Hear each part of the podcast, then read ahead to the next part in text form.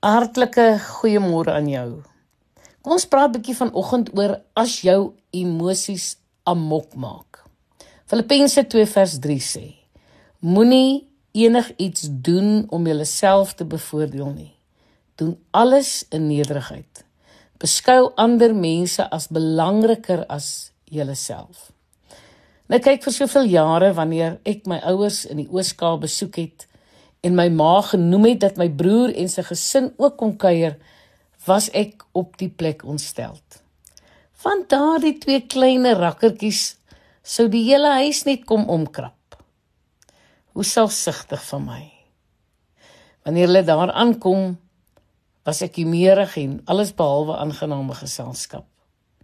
Dit het my ma natuurlik baie ongelukkig gemaak omdat sy wou hê almal tuis moes voel en lekker moes saamkuier vir al haar eie kinders. Nou op 'n ander geleentheid het familie net voor Kersfees opgedaag. Jong, ek was buite myself van verontwaardiging en woede. Ek hoor nog hoe my ma fluisterend pleit: "Ag Lenet, moenie so wees nie. Hulle het ver gereis. Asseblief my kind, wees net vriendelik."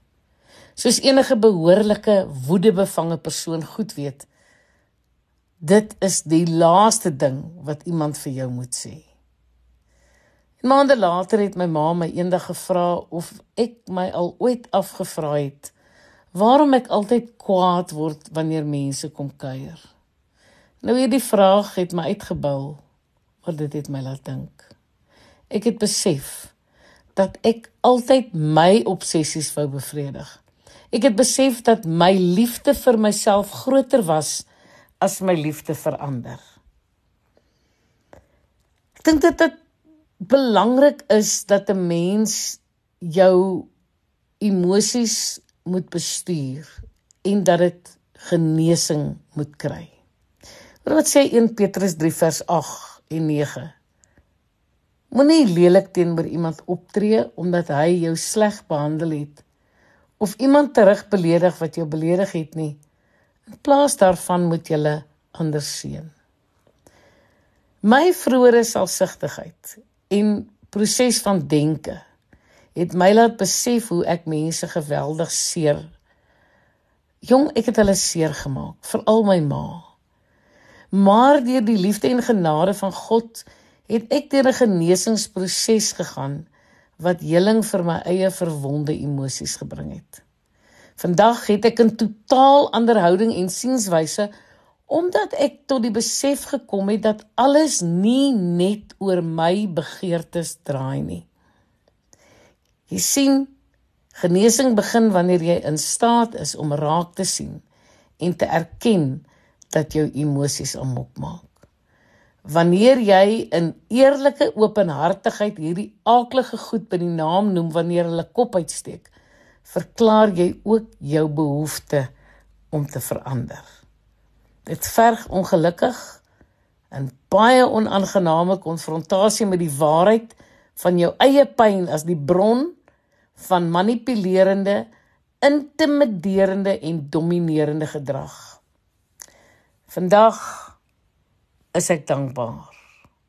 Ek is dankbaar dat ek met hulp van die Heilige Gees my emosies kan bestuur. Hoor bietjie wat sê Paulus in sy brief in Kolossense 3 vers 13. Hy sê verdra mekaar se tekorte en gebreke. Vergewe mekaar. As iemand klagtes het teen iemand anders. Net soos wat Christus julle vergeef het, moet julle mekaar ook vergeef. Mag die Here vir jou baie genade gee om ook 'n bietjie vandag introspeksie te hou en te kyk of jy nie ook 'n woedebevange mens is en of jy nie ook dalk 'n mens is wat jou eie begeertes heeltyd wil bevredig nie. Dit is tog nie die gesindheid van Christus nie. Kom ons laat toe dat die Heilige Gees met ons praat en ons van binne na buite verander.